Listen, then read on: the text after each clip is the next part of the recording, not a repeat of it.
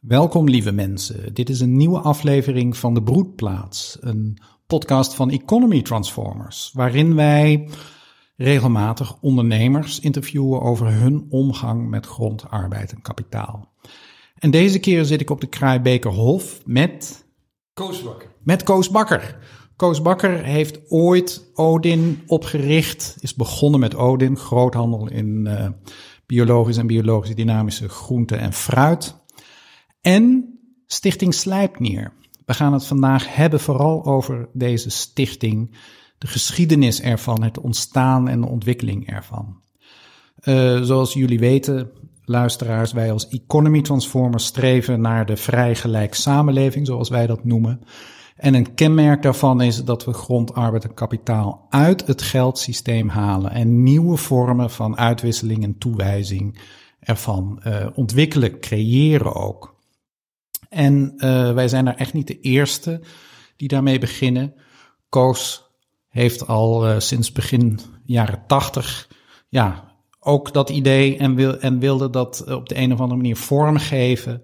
En ja, die stichting Slijpnier is dus opgericht ooit om ook nieuwe vormen van uitwisseling en toewijzing van kapitaal te creëren. Hoe het precies zit, dat gaan we dus allemaal horen het komende uur. En uh, ja, Koos, zou je jezelf even willen voorstellen? Ja, dankjewel Jacques voor de uitnodiging. Uh, 73 jaar, woonachtig in Noord-Holland. Uh, opgegroeid ook in Noord-Holland in een klein dorp, een tuindersgemeenschap. En uh, drie kinderen met partners en kleinkinderen. En sinds zes jaar niet meer actief in de leiding als directie bij Odin.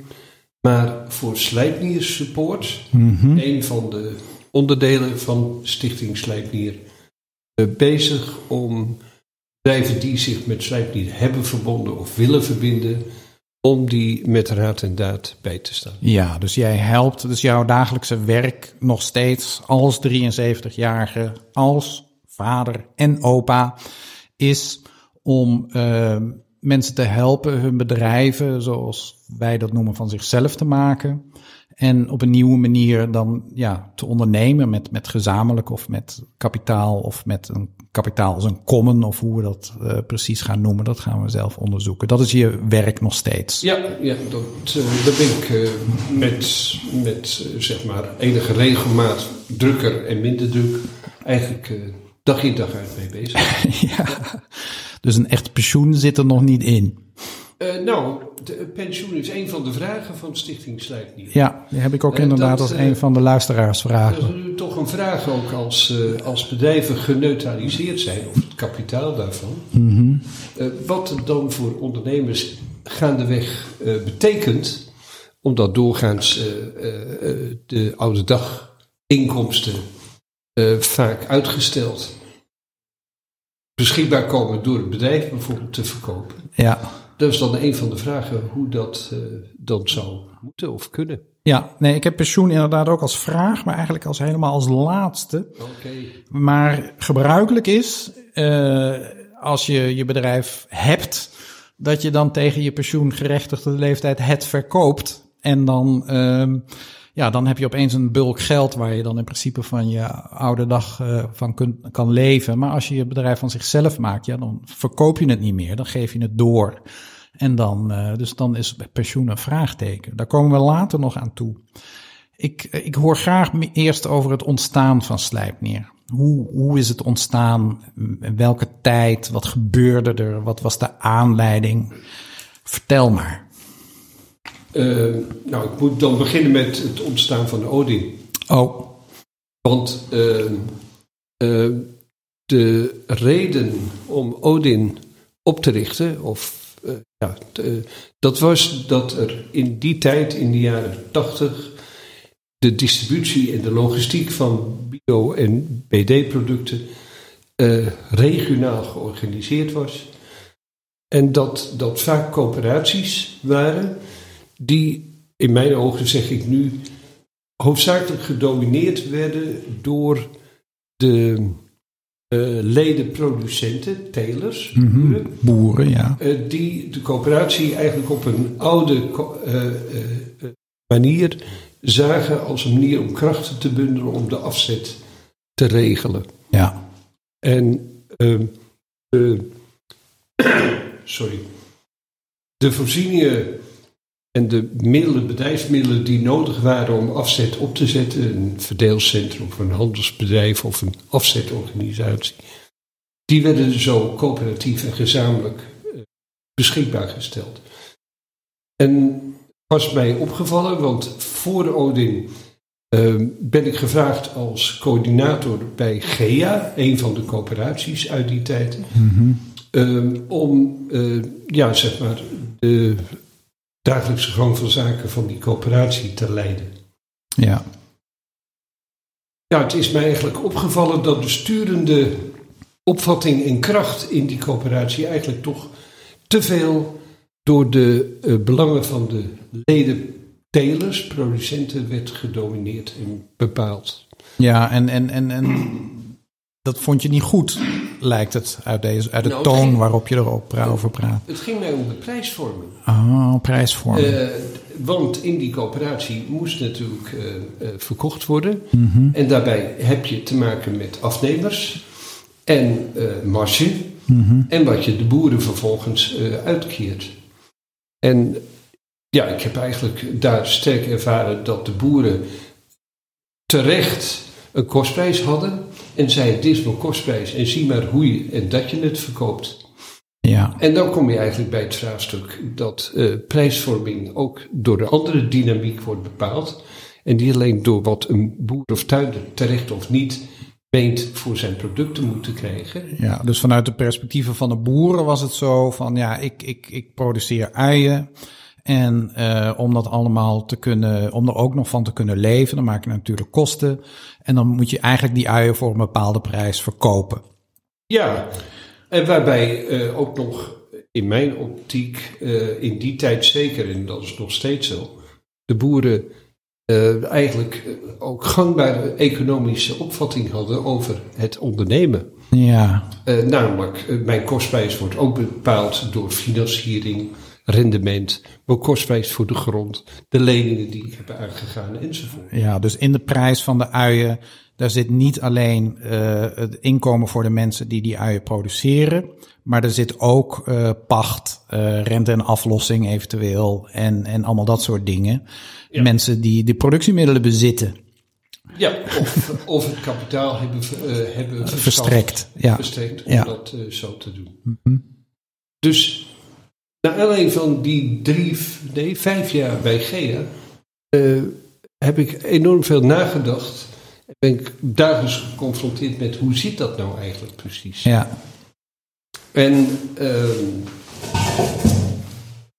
en dat leidde tot, eh, tot bijvoorbeeld de situatie dat ik eh, smiddags een tuinder aan de lijn had die zei: Je moet dat product voor die en die prijs verkopen. Hm. Waarop ik zei: Nou, als ik kijk naar eh, hoe de markt ligt, wat een, wat een faire prijs voor de, eh, voor de consument die het uiteindelijk moet kopen ja, zou zijn, denk ik toch dat die prijs iets lager zou moeten zijn. Nou, we werden het niet eens.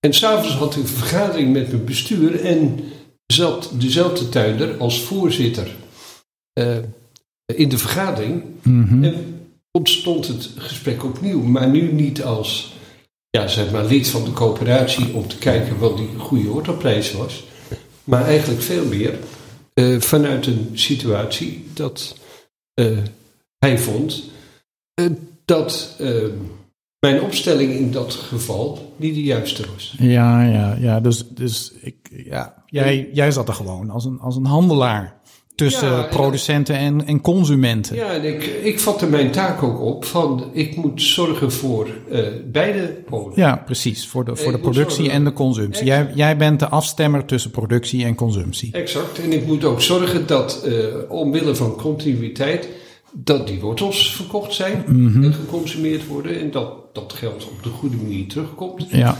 En uh, uh, wat heeft die boer eraan om de wortels uiteindelijk niet te verkopen voor die prijs die hij verlangt? Ja. Uh, het enige juiste in dit geval is dat die producten ook op tijd en in goede kwaliteit bij de juiste mensen terechtkomen. Ja, nee, dus, dus jij, jij, jij voelde het als taak om die, om die, die stroom ook, hè, dus de, de, je plek in de keten in te nemen, als in dit geval de bemiddelaar tussen producenten en consumenten. Ja. Terwijl de boer die zat echt op de producenten en die wist hoeveel het kostte om zijn. Uh, en, en, en die wilde daar een bepaalde prijs voor hebben. Een beetje star. Ja, en, uh, en daarmee kwam de stroom niet in beweging. Nee. En het is uh, als. ja, dat is mijn aard. Ja. Te zorgen dat de stroom in beweging blijft. Ja. Geld en productstroom. Ja, ja, ja. Nee, maar dat vind ik wel een mooie karakterisering van, van jouzelf dus. Ja. Dat, je, dat, je, dat je bemiddelaar bent, dat je tussen de producent en de consument zit, dat je beweging wil creëren, een stroom. En dat is enerzijds een stroom van goederen, die voorzien in materiële behoeften, en anderzijds de tegenstroom van geld. Ja, en ik ben eigenlijk uh, enthousiast over beide stromen. Ja, ja. Want En, goede wortels is erg belangrijk, of uien. ja, En de kwaliteit. En dat de boer ook, eh, de producent, de ja, randvoorwaarden krijgt Mhm. om eh, de optimale kwaliteit op dat bedrijf, met alles wat erbij hoort, ook eh, te kunnen produceren, te Ja. kunnen blijven produceren. ja. En tegelijkertijd ook dat de goede geldstromen ook daarbij ontstaan. Ja, ja dat, dat, is eigenlijk het beeld wat je schetst, of wat ik ook voel, is van oké, het is een, een dynamisch geheel. Het is een geheel wat, wat zich ontwikkelt. En, uh, en ik heb daar, ik ben nu even koos, ik heb daar een rol in. En mijn rol is een soort uh, ceremoniemeester die ervoor zorgt dat het blijft stromen en dat het ook in balans is. Ja. Nou, daar kwam natuurlijk ook bij de organisatorische kant. Mm-hmm. Dat je die stromen moet organiseren. Logistiek, chauffeurs, mensen, Ja. uh, koelcellen enzovoort. Als, uh, als intermediair. Mm-hmm. Maar dat is even een uh, ondergeschikt in Ja. dit geval. En zou je die tijd van jou, die vijf jaar bij GEA, kunnen zien als een soort gezellentijd? Ehm, ja, Want je leerde daar nog een hoop. Uh, absoluut. En je dacht na over, over de positie waar je zat en wat er eigenlijk gebeurde. Daarvoor was ik winkelier, Ja, uh, biologische winkelier. oké. En ik wilde altijd uh, producent worden, boer. Mhm, Hè, want in de natuur en met de natuur werken, dat was een ideaal voor mij. mhm. Uh, maar het leven bracht mij dit. En Ja. ik heb eigenlijk altijd een, een, ja, ook daar weer de balans gezocht tussen wat wil ik en wat moet er gebeuren. Mhm.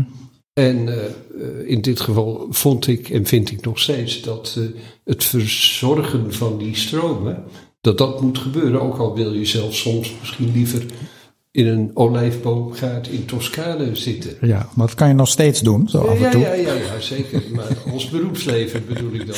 Ja, nee, ik snap het. Ja. En toen, want uh, vijf jaar zeg je, en toen gebeurde er iets. Er moet iets gebeurd zijn. Nou, het is heel leuk, want uh, wat gebeurde er? Uh, uh, er kwam een. Um, op die vergaderingen van de regionale verdeelcentra, Ja. Gea, Proserpina, Bloemberg, Ja. Overbetuwe, daar hadden we zogenaamd coördinatorencontact. En wij constateerden eigenlijk, ja, we hebben groente en fruit, het assortiment ontwikkelt zich. Maar hoe krijgen we nou de zuivel in de winkels? Hmm. Er was op dit moment in de winkels uh, eigenlijk geen zuivel te krijgen. Er was geen fabriek. Of er, wa- er werden denk ik door enkele boeren heel regionaal kaas en kwark misschien geproduceerd.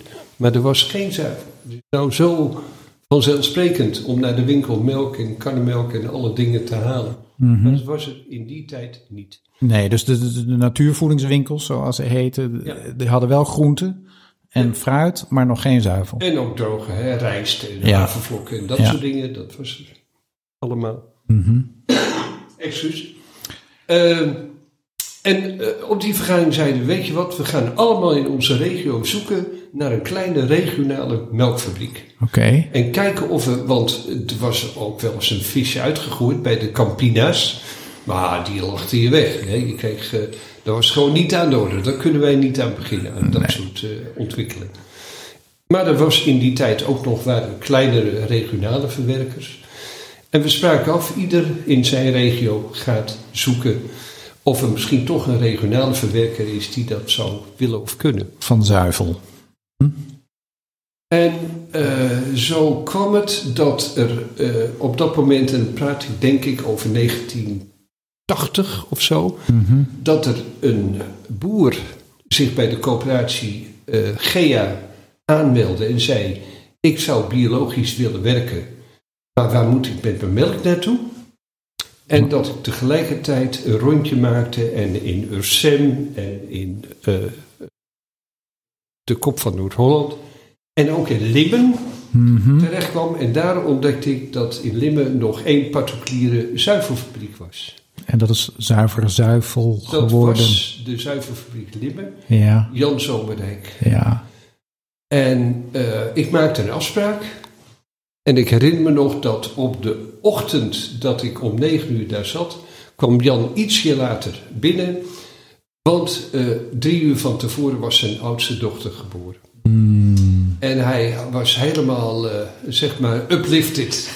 En glunderend, et cetera. En hij heeft ongetwijfeld gedacht, en terecht, alles wat vandaag mij overkomt is goed. En dus mijn vraag viel eh, om, mede om die reden helemaal in goede aarde. En de vraag was, wil jij biologische jij- melk ja, gaan willen ja, ja. verwerken? En Er is een project opge- opgestart waarbij eh, eh, de BD-vereniging, BD-consulent, de kostprijs van de melk, de distributie, de logistiek, alles eh, moest het in flessen of karton en ook de afstemming regionaal geregeld moest worden. Ik herinner me ook uit die tijd dat een van de dingen die gebeurde is dat de regionale verdeelcentra een vragenlijst aan winkels heeft gestuurd met de vraag om die aan consumenten uit te delen en aan te geven hoeveel zuivel en welke zuivel zij zo gemiddeld per week zouden willen afdelen. En zo kwamen er honderden vragenlijsten terug met yoghurt, karnemelk, melk, etc. uit heel het land die gebundeld werden en waarmee we dus ook echt een inschatting konden maken als deze boer in Ilpendam dan omschakelt en de fabriek in eh, Limmen eh, eh, koopt een afvulinstallatie, et cetera. Die maakte tot die tijd namelijk alleen maar kaas. Ehm, eh, ja, over welke volumes praten, et cetera. Het is een project geweest van ruim anderhalf, twee jaar voorbereiding. Ook de omschakeling van de betreffende boer. En dat leidde dus tot, dan en dan gaat het zuivelproject van de, aan de gang. En ik heb in die tijd mijn bestuur en alle betrokkenen op de hoogte gehouden van die tijd. En toen kwam er een interessant moment. Namelijk, ehm, vanuit mijn verantwoordelijkheid dacht ik ook, nou, er moet er nu een vrachtwagen worden gekocht. Want eh, volgende week, vrijdag of volgende maand, we Ja, ja. beginnen. Ja, en het- met En- het ophalen van melk in dit Ja, geval. Ja, eh, nou, om te distribueren. We hadden eh, een koelwagen nodig. Ja. Die ook het gewicht van die melk kon hebben. En we hadden voor die tijd busjes. ja, nee, maar even voor de... de- de- Dus ik kocht een vrachtwagen BG, eh, zonder dat aan mijn bestuur, eh, eh, zeg maar, voor te leggen voor akkoord. ja, dus eigenlijk ging je daar over van je, in mijn termen, van je gezellentijd naar je meestertijd. Want je ging een initiatief nemen. Ja, ja. Eh, maar het initiatief was er al. Ja, nee, ik, ik snap ik trok de consequenties uit het initiatief. Mhm. En ik vond dat er, eh, zeg maar, eh, ja, dat het ook in mijn, zeg maar, verantwoordelijkheid lag. eh, te zorgen dat ook de logistieke kant, zoals ik al eerder zei, Ja, gefaciliteerd was. ja. Bestuur ontdekte toen dat zij had vergeten te regelen welke Ja, ja, ja, ja, je, En die kwam erachter dat toen ik zei, die ik heb een vrachtauto besteld, eh, kwam erachter van ja, maar dat is toch aan ons om die vrachtauto te bestellen als coöperatie. ja. En ik herinner me dan ook dat een van die bestuurders toen zei, eh, je moet hem afbestellen. En toen zeg ik, dat doe ik niet. hij is er en hij komt. Ja. Want die melk komt. Want het is nodig. ja. En gaandeweg ontstond er toen bij mij zeker ook vrevel over. Wat is nou jullie rol en functie? En wat is de mijne nou? En hoe vinden we daar nou, zeg maar, eh, de basis van wat je samen moet besluiten en wat bij het, ja, zeg maar, de verantwoordelijkheid van de dagelijkse gang van zaken hoort. Ja, Ja, ja, ja mooi. Ik, ik, ik wil nog even. Ik ben in 83 gaan studeren in Wageningen. En ik was nog niet in aanraking gekomen met biologisch en biologisch dynamisch. Nee. Maar uh, op een gegeven moment liep ik door de supermarkt en zag ik achter elk product hoe het werd geproduceerd en dat het helemaal niet goed was voor de aarde. En toen ontdekte ik in Wageningen de winkel Buis en Co. Ja, ja. En daar, daar waren toen zuivel, daar was ook veel zuivel, hele lekkere zuivel in flessen. En het was zelfs nog zo dat als je dan zo'n fles kocht, dan zat er nog zo'n laagje room op. En dat deden we dan in de koffie om te beginnen. En dus jij hebt dat mede mogelijk gemaakt. Ja, dat is uh, in 83 was het namelijk ook zover, of eind 82, ja. dat die zuivel voor het eerst uh, beschikbaar was. Ja. En ook nog als Demeter. Ja, nee, dus dat, dat weet ik. Er zat zo'n wikkel omheen ja, ja, waar de, de meter op stond. Ja, Dus dat was geweldig. Maar je was ook gebotst op, op, op ja, ik, vanuit, vanuit de dynamiek van, van mijn functie zie ik nu de mogelijkheid om, om, om, om, om ja, melkproductie op melkconsumptie af te stemmen, om het zo maar eens even te zeggen. Terwijl je uh, in, in, in een organisatie zat waar het bestuur vanuit een ander perspectief een andere mening kreeg, die eigenlijk niet, uh, uh, ja, die niet, misschien zou je kunnen zeggen, goed tot een oordeel kon komen, omdat ze die krachten niet voelden of wat nodig was niet voelden. Zou je dat zo kunnen zeggen? Nou, ik, ik, betwijfel of zij een andere mening waren toegedaan. Hmm. En of zij, nee, het ging in dit geval echt, wie neemt hier uiteindelijk het besluit? Besluiten, ja, gaat over besluiten. Is ook een van de, van de luisteraars van en, gedaan. ja. En uh, is dat nu collectief? Mm -hmm. Of is dat gedelegeerd? Ja. En tot in welke mate? Wie moet er dan voor de financiering zorgen? Ja. Et cetera. Dus het ging eigenlijk daarover. Ja. En we hebben in die tijd dat niet uh, voldoende uh, en in alle rust kunnen uitwerken. Ja. Eigenlijk. En, en maar doordat jij een besluit hebt genomen om zo'n vrachtwagen te bestellen, kwamen, we, kwamen jullie er überhaupt achter dat er een discrepantie zat. En toen want, nou ja. Toen, toen is mijn gedachtenvorming eigenlijk verder gegaan. En kwam ik eigenlijk uh, uh, steeds meer in het spoor waar um, de verantwoordelijkheid voor ondernemerschap begint. Mm -hmm. En voor initiatief. En waar die altijd in het uh, maatschappelijk collectief en in de, in de keten thuis hoort. Mm -hmm. Voor wie je dat doet. Ja. En toen, uh, en zeker ook al, uh, samenhangend met prijsvorming. Mm -hmm.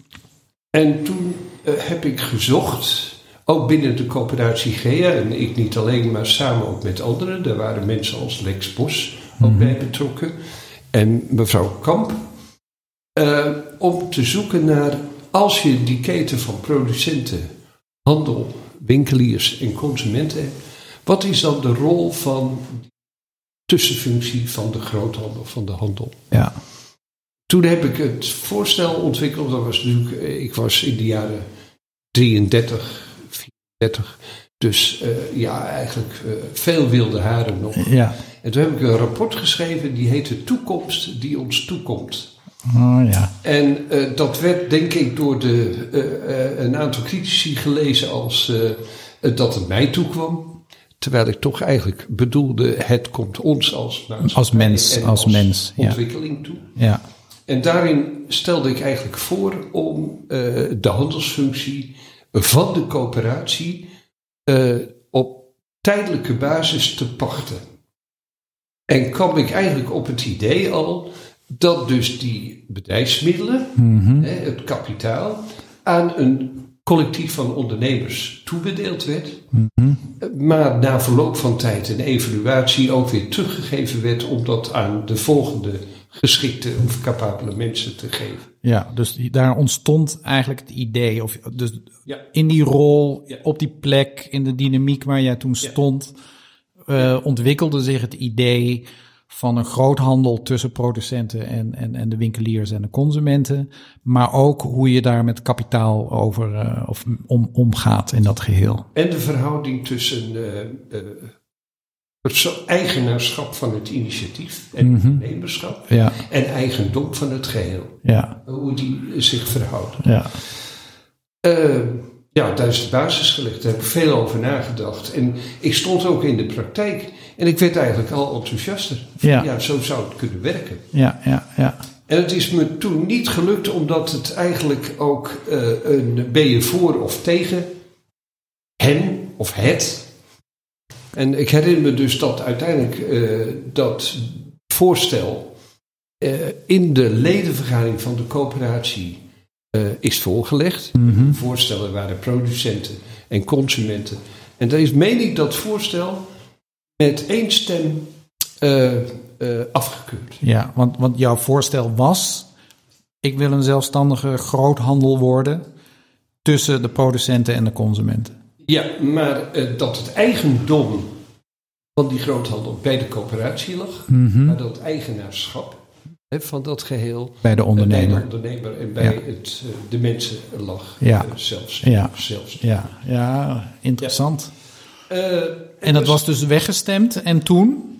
Toen had ik ja, voor mijn gevoel uh, was het wegstemmen ook een motie van wantrouwen mm. naar mij als persoon. Oh ja. Uh, dat voelde ik zo. En dus toen kon ik eigenlijk voor mezelf maar één conclusie trekken. Dan stop ik en dan ga ik het toch doen. Juist, ja, uh, precies. En dan ga ik Odin starten. Zo, zo, zo, zo gaat en dat. En dat is dus deze week 40 jaar geleden. Deze week 40 jaar 29 geleden. september 1983. Toen is ja. het begonnen. Oké. Okay. En, uh, en, en intussen was het hele uh, uh, melkproductie en verwerking en, en, en, en, en transport, die ene vrachtwagen, dat was wel op, op, op, ja. op stoom gekomen. Dat, dat was, door. En de ondernemer daarvan was Jan, je noemde even zijn naam.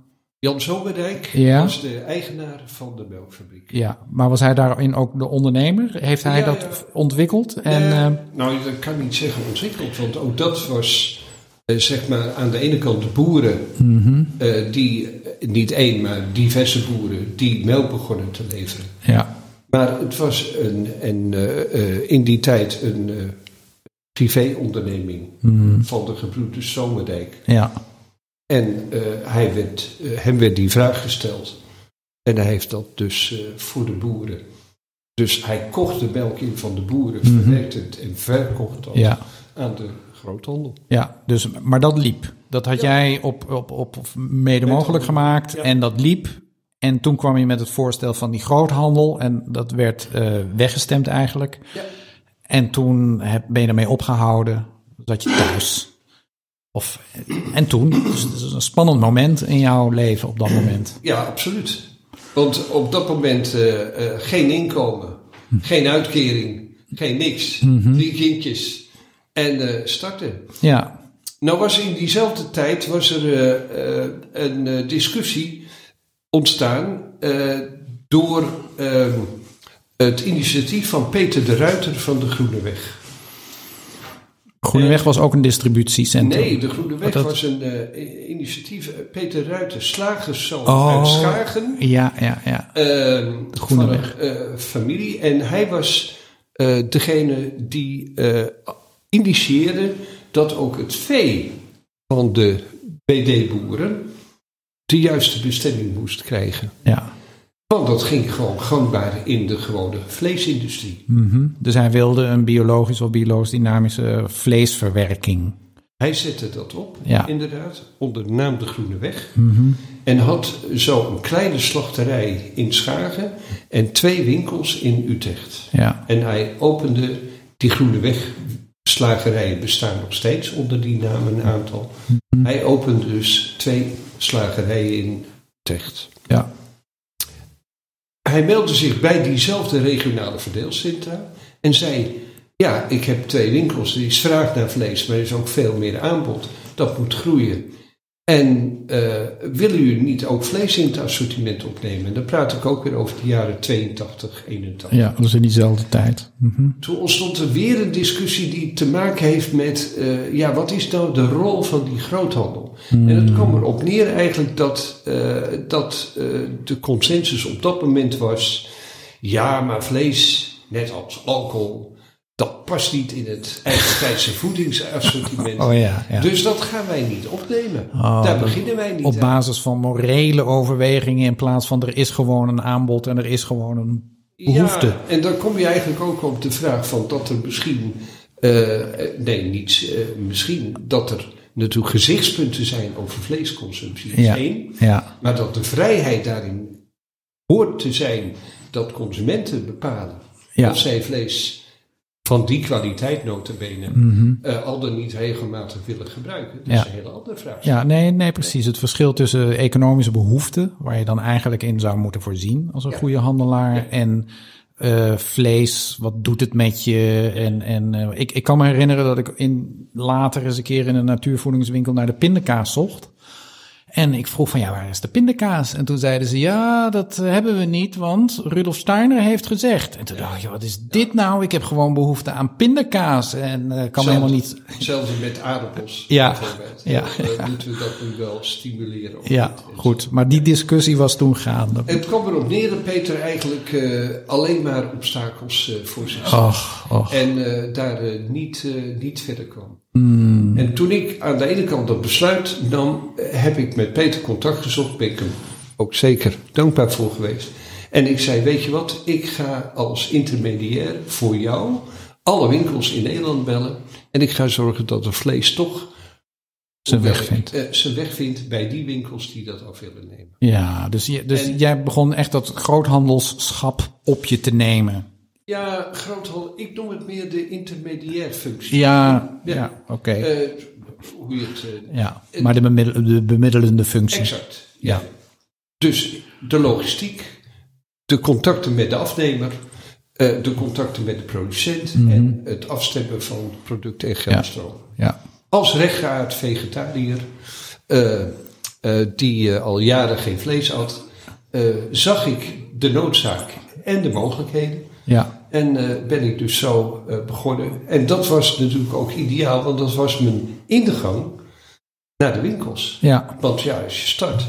Dus Odin is begonnen onder het logo dienstverlening aan mensen, bedrijven en instellingen.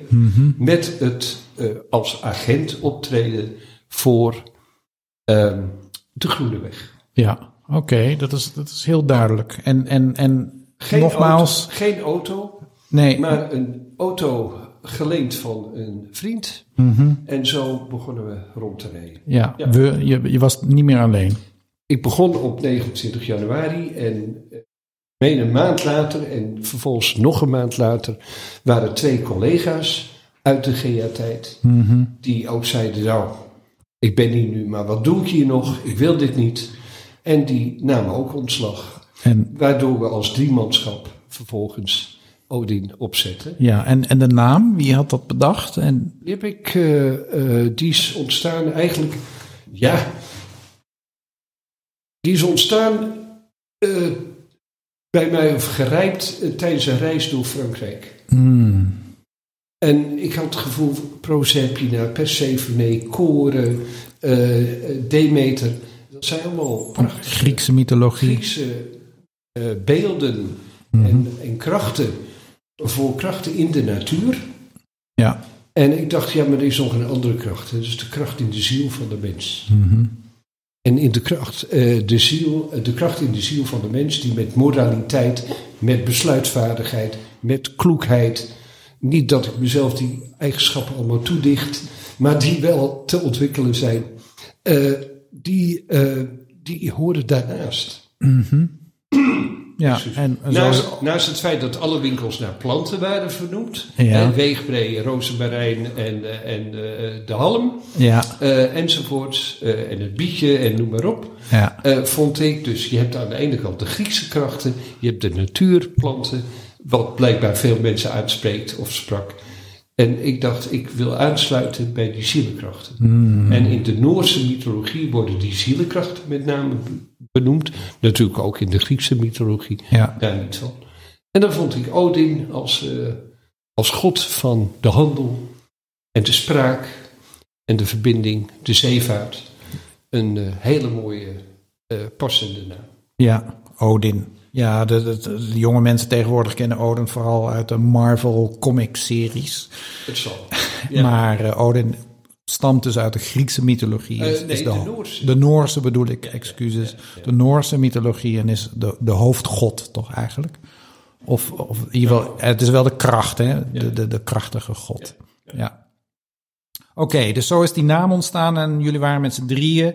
En jullie bemiddelden tussen capaciteit en behoefte. Jullie uh, zorgden ervoor dat uh, productie op consumptie afgestemd kon worden. Via de winkels, die overal waren toen nog allemaal van die zelfstandige winkeltjes. Hè? Ja, of stichtingen of kleine clubs. Ja. Of consumentenkringen ook. Ja. Enzovoort. Ja.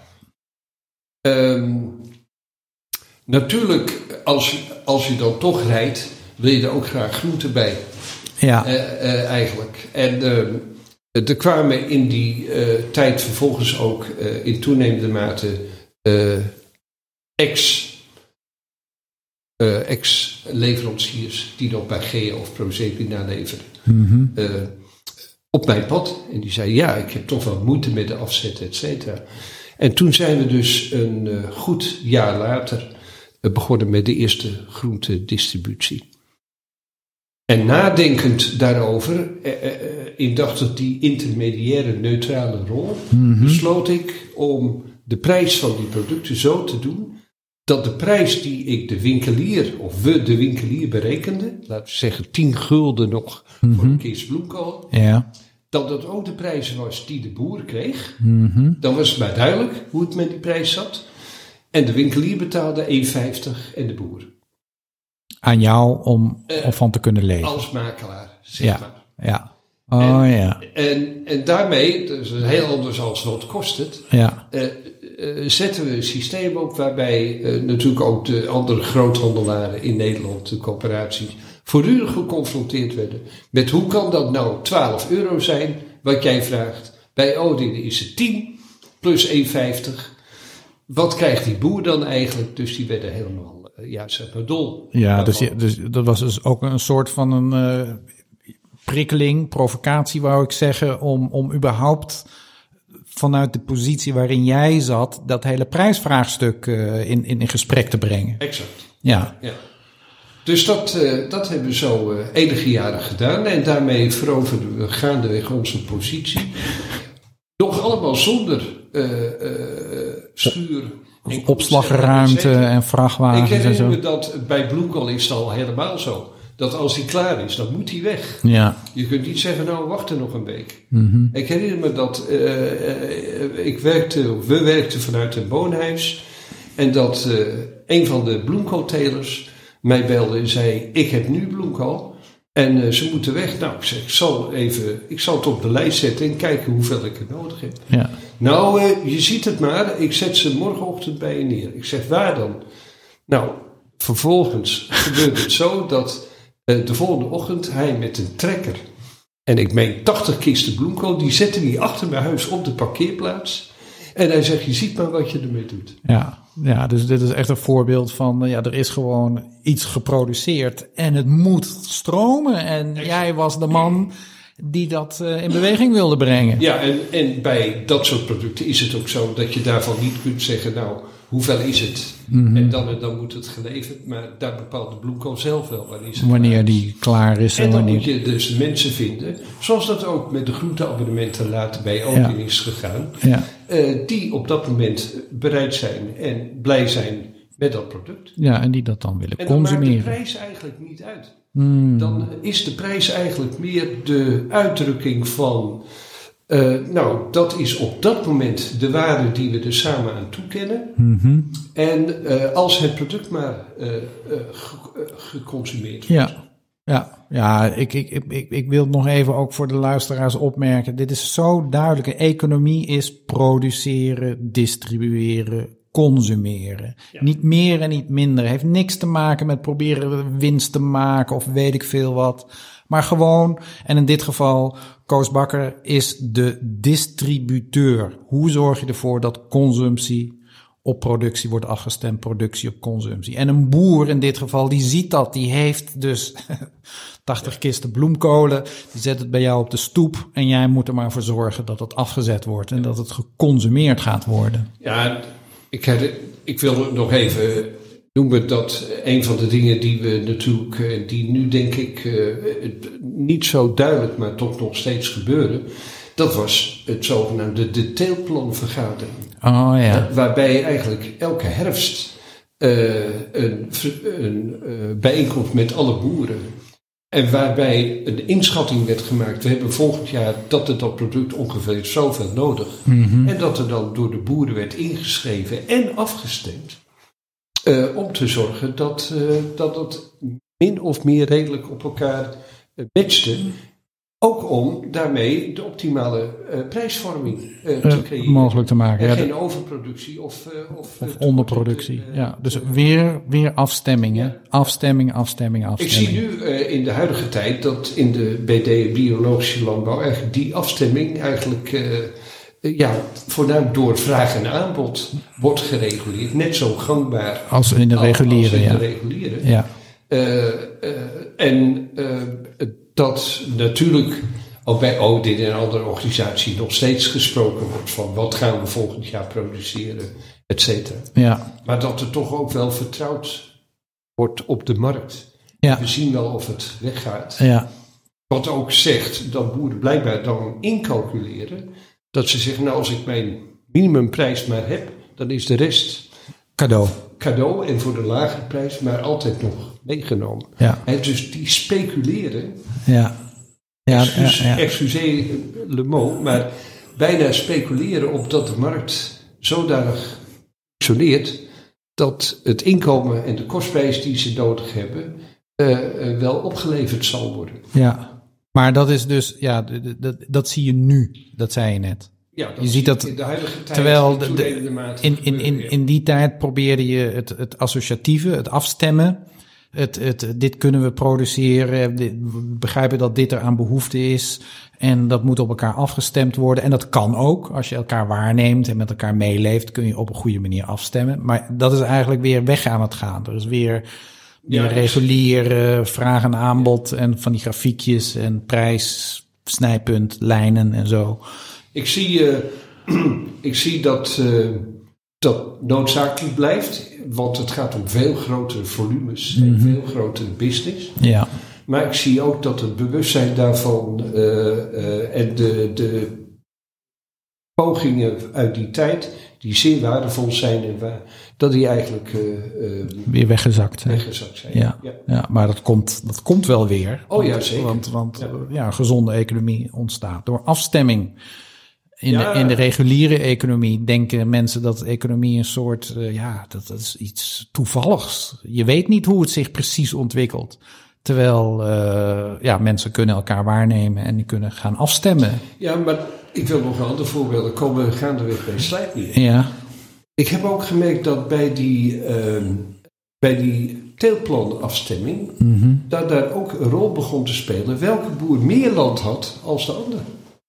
Of meer beschikking had over kapitaal om te produceren dan de ander. ja, capaciteit. Dus de ene boer had meer capaciteit Ja, dan die ander, zou je kunnen zeggen. Niet capaciteit, dat noem ik eigenlijk meer, eh, want capaciteit als je meer land hebt, heb je Ja. meer capaciteit om te produceren. Als je meer kapitaal hebt, heb je in, In principe volume. meer. Ja, in volume. Ja. Maar of eh, de vaardigheid eh, daar ook bij past, is weer een ander ja, vraagstuk. ja, ja, ja, ja, Dus dat is ook een vraagstuk. ja, ik snap dat ik het. eigenlijk ook wel zag dat capaciteit in de zin van vaardigheid eh, langs een hele andere weg eh, beoordeeld en tot stand moet komen dan toevallig of je een rijke oom hebt die nog een tonnetje heeft liggen Ja, en die zegt nou ik koop dat land wel voor je, dan Mhm. kan jij door. ja, Even.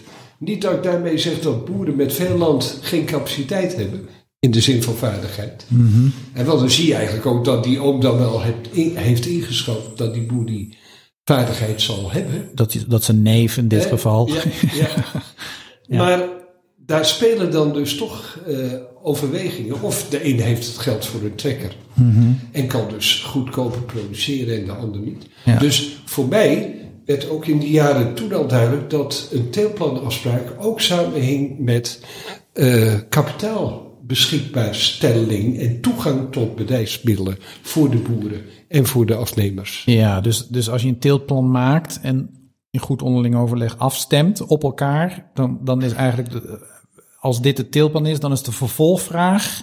En hoe gaan we dan de middelen Ja. op elkaar afstemmen? Maar dan praten we over de jaren tachtig, dat was echt de brug te ver. Ja, ah, ja. dus jij zag het in de idee, zal ik maar even zeggen. Ja, dat En, dat en op dat moment was. was, ja, dat is nog steeds. Mensen zitten zo op hun eigendom dat eh, dat, dat loslaten en daar vrij eh, ja, die uitwisseling en die toewijzing eh, mogelijk maken. Dat, ja, daar leven we eigenlijk nu pas in. Dat, dat, dat, dat, dat daar bewustzijn op komt. Daar komt bewustzijn op, maar Ja. het hoe Ja, en het waarom en et cetera is nog ver weg. ja, ja nou ja, da- da- daar is precies deze podcast voor. Om daar nog meer bewustzijn over te brengen. Maar jij zag het toen. Want er was wel al afstemming om, eh, om die teelplannen mogelijk te maken. Dus eigenlijk om capaciteit op behoefte af te stemmen. En de vervolgvraag, oké, nu hebben we een teeltplan gezamenlijk op elkaar afgestemd. En nu moeten we eigenlijk de middelen op elkaar gaan afstemmen. Dat, eh, ja, dat, dat, dat was er nog niet. Dat ging gewoon nog niet. Nee. Nee. En, en wij waren ook bezig met overleven hè, als Odin. En Ja, met, eh, het was gewoon hard werken en je moest... eh, Absoluut, absoluut. ja. En, eh, er, er was, eh, ja, de drie gezinnen eh, hadden een, eh, een inkomensbehoefte. En met de sprong die we waagden om Odin te beginnen, mhm, om te beginnen met eh, eh, de groene wegproducten en later met de eerste groente en fruit. ja, Eh, dat eh, was nou maar krap aan om ja, daar een inkomen uit te kunnen halen. ja, ja. ja, go- pioniers, hè? Ja. Altijd de houtjes bijten. Ja, maar, toen? Na, het tweede jaar, dus Mhm. dan praat ik over eh, eh, f- 83 september begonnen, 84. Ik denk in het tweede jaar of in het eh, derde jaar ontstond er een eh, heel bijzondere situatie. Namelijk, toen eh, werd ik een keer gebeld door een teler die zei: eh, Het is april Ja. en ik, eh, ik eh, zaai alweer nieuwe wortels, mhm. maar mijn hele schuur ligt nog vol met wortels. Het beroemde, luisteraars, het beroemde wortelverhaal gaat nu verteld worden. Dus ja, En dus, net zoals die boer met die bloemkool, zie maar wat je ermee doet. ja. Ja, dus, nou een dag later, sorry, ja. ja, dus, dus, dus er lag, laag, je moet je echt voorstellen, er lagen schuren vol met wortelen. Wortelen zijn iets langer houdbaar. Het is niet zoals de bloemkool dat het meteen moet weggezet worden. Maar, maar het moet natuurlijk op een gegeven moment weggezet worden. Maar hij zei ook, ik ben al vanaf oktober die wortelen op 0 graden aan het bewaren. Dat Ja. kost en dat kost. Ja, ja, et cetera. Dus dat, eh, ze gaan of naar de koeien, Mhm. of eh, ja, er moet alsnog een consument voor worden. Ja, dus het stond op het punt om, om een besluit te nemen of naar de koeien of kan jij ze wegzetten. Ja. En toen? En toen eh, werd ik ook één of twee dagen later gebeld door iemand die in Engeland was geweest. En die zei, in Engeland zoeken ze wortelen, in heel Engeland zijn geen wortelen. Ja, nou, dat is weer... En eh, ja, biologische wortelen dan Ja. in dit geval. ja, En ik belde ook dat contact in Engeland. En ja, nee, eh, fantastisch. En eh, ja, toen kwam ik als intermediair voor het vraagstuk. dat de tuinder in dit geval zei. Nou, ze kunnen ook naar de koeien, of ze moeten naar de koeien. En Mhm. de man in Engeland, waarvan ik wist, nou, die gaat daar een hele grote financiële klapper mee maken. Als eh, eh, eh, even. ja, En ik bedacht me toen, nou, ik ga die boer blij maken, want ze raken weg en hij krijgt er nog een leuke prijs voor. mhm, Ik ga die man in Engeland blij maken, want hij heeft wortelen, en, maar hij zal er goed voor betalen. ja, En het gevolg was dat vier weken later er vijf vrachtwagens wortelen naar Engeland waren gegaan. Ja. Allemaal goed en blij. En dat geld ook op de rekening kwam. En dat we dus eh, eh, met die transactie iets van 60 of 70.000 gulden hadden verdiend als marge. ja, dus dit was, dit, dit was de klapper. Dit was het, eh, aan de ene kant een schuur vol met wortels, aan de andere kant een land zonder wortels. En als bemiddelaar kun je dan een klapper maken. En dan zie je dus eigenlijk dat, er, dat je dan ook bezig bent als Mhm. om eh, waarde te creëren, Ja. waarde te scheppen. Dat Ja. heeft die boer gedaan door goede wortels te maken. Mhm. En eh, dat die waarde dan ontstaat. En van wie is dan die waarde? Ja, dus je, ja, want die 60, 70.000 euro of euro, Gulden. die, eh, ja, die, die, die, die bleven bij de bemiddelaar. Uiteraard. Ja. ja, ja. En toen? Eh, toen ook nadenkend in het licht ook van alles wat we eerder eh, Mhm. bespraken, eh, eh, had ik ook het gevoel, wil ik deze rol ook kunnen spelen, wil ik die boer ook recht in zijn ogen kunnen blijven kijken. Want die komt volgend jaar weer met een product. Moet ik hem ook geloofwaardig kunnen zeggen, dit is de prijs. Maar ik wil niet het gevoel hebben dat als ik in een veel te dure auto zijn erf oprij, dat hij dan toch zegt, ja, eh, wat heeft die bakker nou eigenlijk met die wortelen gedaan? Ja, ja, ja. Dat de ene kant. En de andere kant was dat wij als driemanschap bij Odin het gevoel hadden, het ging goed dit jaar. Mhm. We hebben een redelijk gezinsinkomen. Wat doen we met de rest? Overschot. Ja, dus dat was voor het eerst eigenlijk overwinst. Iedereen was Ja. in een goed inkomen voorzien. Ja. Zowel de boer als de, de handelaar in Engeland als jullie zelf. Maar Ja. jullie zaten met een overschot aan geld in dit geval. En wat doe je daarmee? Dat was toen het vraagstuk. Dat, dat overschot had twee kwaliteiten. Het was aan de ene kant eh rekening courant kapitaal. Mhm. Met andere woorden, als je het zou opnemen of uit zou keren, zou van de bedrijfsrekening verdwijnen. Ja, Dus het was ook wel nodig, eh, want we hadden geen bank in die tijd. Hm. We deden dat eigenlijk met, eh, vanuit, de met lopen, krediet. En, van- eh, ja. vanuit de lopende begroting? Of wat? Er was Nou. geen bank, hoe bedoel je? In, in de zin van dat de Groene Weg bijvoorbeeld hoefden we pas te betalen als wij het geld binnen hadden. Oh ja, En eh, dus we hadden geen bank nodig. nee. Eigenlijk. Maar in toenemende mate is eh, de afstemming ook van eh, kun je boeren op tijd betalen en hebben de winkeliers op tijd betaald, is dus ook dat je daar een zekere buffer zelf voor nodig hebt. Ja, Dus dat overschot had twee kwaliteiten. Het was nodig als kapitaal om een zekere liquiditeit te hebben in het bedrijf. Mhm. En het was eh, overschot in de zin van we hebben als families en gezinnen een mooi inkomen, voldoende inkomen. En de rest, ja, dat komt volgend jaar weer Ja. als we doorgaan.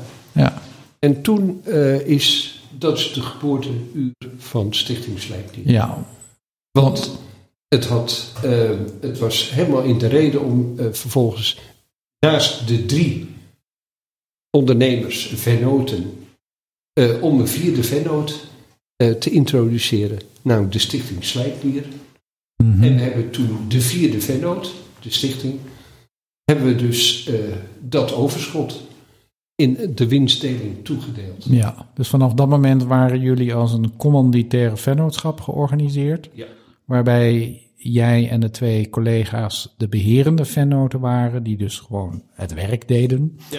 En de stille vennoot werd Stichting Slijpnier, waarin in dit geval de eerste echte overwinst in ondergebracht werd. Ja, overwinst en maar tevens bedrijfskapitaal. Bedrijfskapitaal, ja. Want als je dat als bedrijf laat staan, dan ben je als drie beherende vennoten anders toch helemaal gerechtigd in een derde deel van dat kapitaal. Mhm. Dat zou in de loop der jaren allerlei eh, eh, dynamiek kunnen veroorzaken, laat ik het zo maar zeggen. Ja, Want als, als je dat jaar in jaar uit doet, en dat zie je ook vaak bij eenmans of bij, bij VOF's, Mhm. dat iemand dan zegt, ja, ik heb nu een probleem en eh, ik moet dat geld hebben.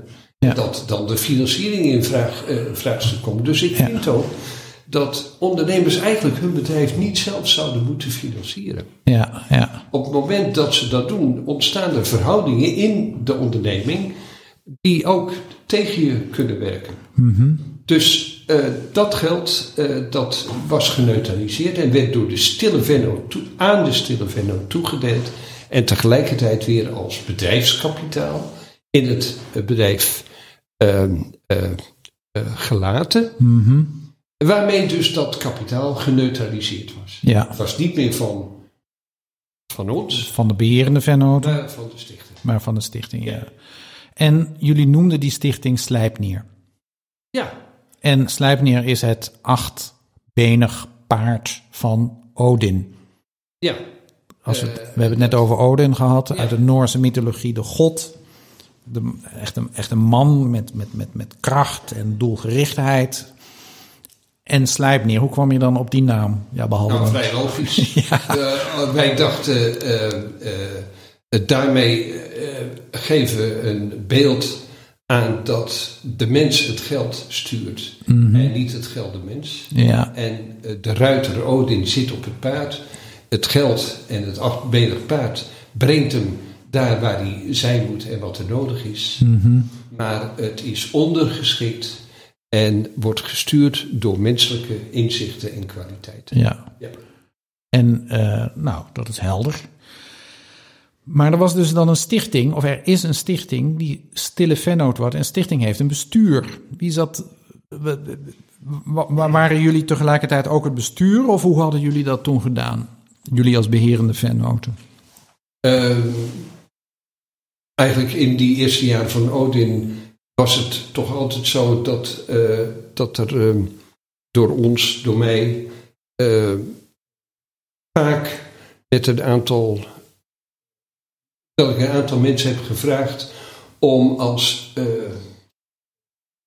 vraagbaak of als luistervink te fungeren. Mhm. Mag ik eens tegen je aanpraten? Ja. Wil je eens naar me luisteren waar ik mee bezig ben of vragen, et cetera. En ik heb overigens altijd zo gewerkt. Ja. Dat, eh, dat door, eh, door je gedachten uit te wisselen, voor te leggen en de respons die daarop komt, dat je daarmee eigenlijk je eigen idee eh, vorm en richting krijgt. Ja. Raadpleging. Ja, door de raadpleging. Ja. mhm. En eh, dus we hebben in de statuten bepaald, ook om eh, die, die winsttoedeling van Slijpnier, aan Slijpnier, Mhm. was namelijk ook nog fiscaal belastingvrij. ja. Met andere als het aan ons in privé zou zijn toegedeeld, had je daar inkomsten, Oh, inkomstenbelasting over moeten betalen. Maar in de cv-vorm eh, was dat eh, eh, in die tijd belastingvrij. Maar, zei iemand tegen mij, dan moet je wel zorgen dat het geen eh vestzak vestzak broekzak is. Dan moet je ook zorgen dat het bestuur op afstand staat. Ja. Dus we hebben in de statuten bepaald dat in het bestuur hoogstens een derde van de bestuursleden kan bestaan uit eh vertegenwoordigers of uit mensen van bedrijven waar Slijpnier bij betrokken is of Mhm. deelneemt. En dat twee derde van de bestuursleden van- ja, zeg maar extern. Onaf- onafhankelijk extern. En je noemt dat al een bestuur op afstand. Ja, Ik zeg al, omdat wij als Economy Transformers daar ook over praten. ja. Bestuur op afstand. Dus mensen die afstand doen van hun eh, ja, eh, aansprakelijkheid en dergelijke. En de beslissingsbevoegdheid overlaten aan de ondernemende mensen. Delegeren aan de ondernemende mensen. En op dat moment was Odin toch het enige bedrijf wat Zeker. in die stichting zat. Ja, maar toch is er toen al eh, besloten en statutair vastgelegd dat het bestuur ook een raad van bedrijven kende, Mhm. Of de stichting moet ik zeggen, een raad van bedrijven kende. En dat eh, besluiten die door het bestuur genomen worden altijd na raadpleging bij de raad van bedrijven zeg maar, genomen kunnen worden. Ja. Dus het, eh, de, de formatie van het bestuur was een bestuur op afstand. Mhm. En tegelijkertijd statutair was toch ook geregeld dat daarmee het bestuur in haar besluitvorming, weliswaar ook nog in de aanwezigheid van die een derde vertegenwoordiger, Mhm. eh, toch ook al haar besluiten eerst voorlegt, voorgenomen besluiten voorlegt aan de Raad van de Mhm. En daarnaast ook eh, dan vervolgens accordeert wat de Raad van Bedrijven adviseert. Ja. Ja, dus eigenlijk, ja, de, ja, je zegt nu adviseert, maar wie neemt dan uiteindelijk de besluiten? Formeel, Het bestuur. het formele bestuur. En in werkelijkheid? Dat, nee, in werkelijkheid is, formeel is het. Ja, nee, oké. Ja, ja, ja. Eh, maar, maar het bestuur zorgt ervoor op afstand dat de besluiten die zij formeel neemt altijd in de werkelijkheid zijn.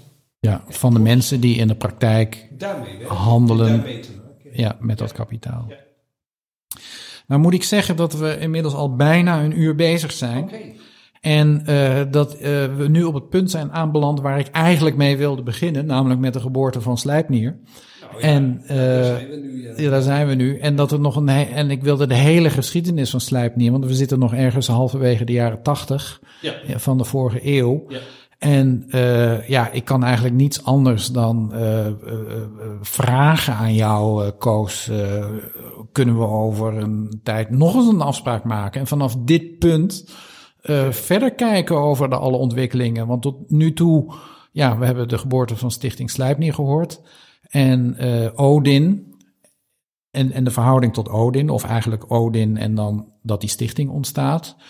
En, uh, maar er komen dan bedrijven bij en dat blijft. Oh, en wat voor bedrijven zijn dat dan? En hoe komen die erbij? En wat doen die dan vervolgens? Dus alle vragen van ja, we zijn hier nu uh, een veld aan het creëren waarin die uitwisseling en toewijzing van kapitaal op een nieuwe manier uh, kan gaan plaatsvinden. Ja, die, dat moeten we dan maar de volgende keer doen. Ja. En. En, en ik vind het heel leuk. Ik bedoel, ik, ik, ik heb geboeid geluisterd. En het wortelverhaal kende ik al. Dat had ik al eens een keer eerder gehoord. Maar alle andere verhalen, het is gewoon, ja, het is gewoon heel fijn om te horen hoe jij vanuit de praktijk of in de praktijk staande, bewust van jouw rol, van jouw positie tussen producenten en consumenten in dit geval, aldoende, ja, enerzijds ideeën begrippen en ideeën ontwikkelt. En vervolgens die begrippen en ideeën ook gaat leven, gaat vormgeven en, en laat werken en zo. En dat, uh, ja, dat, dat, uh, dat, dat voel ik. Ik beleef het gewoon helemaal mee. Mooi. Dus ik wil uh, naar een afronding toe.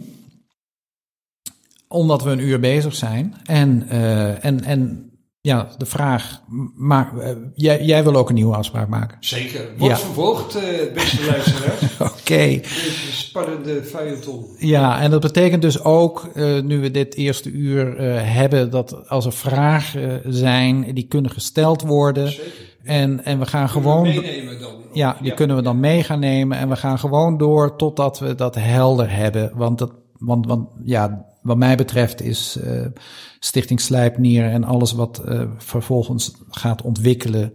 Dat is het begin van een, een, een nieuwe stroom die alleen maar groter kan worden omdat mijns inziens dat eigenlijk het enige vruchtbare is voor, uh, voor de verdere ontwikkeling van economie en samenleving. Namelijk dat we die uitwisseling en toewijzing van kapitaal in goed onderling overleg gaan doen. Maar hoe? Ja, dat kun je alleen maar aldoende uh, uh, ontwikkelen. En Slijpnier is er al 40 jaar mee bezig intussen. Ja, en ik vind het ook mooi om te verkennen wat de vruchten zijn van zo'n werken. Ja. Ook voor de bedrijven, Odin en alle bedrijven en die, die, die zich later in die stroom uh, vinden, ja. vinden. En dat hoor ik zo vaak zeggen. Ja. Wat het ze oplevert, niet zozeer materieel, maar wat het in alles, uh, ook materieel, ja. oplevert om zo te werken. Ja. Nee, ik, ik heb natuurlijk in eerdere podcasts uh, verschillende slijpnierenondernemers geïnterviewd. Ja. Dus uh, vanuit hun perspectief zijn al antwoorden op die vragen. Maar dat kunnen we zelf uh, nog, nog. Ik bedoel, het is gewoon een continuing uh, story. nou, fijn. Dankjewel, Koos. En nou, lieve luisteraars, als er dus vragen zijn, we gaan gewoon door. We weten nog niet precies in welke frequentie of hoe of wat. En, en blijf luisteren. En tot de volgende keer. Zo ja. ja. Dank ook, Chuck. Ja. Graag gedaan.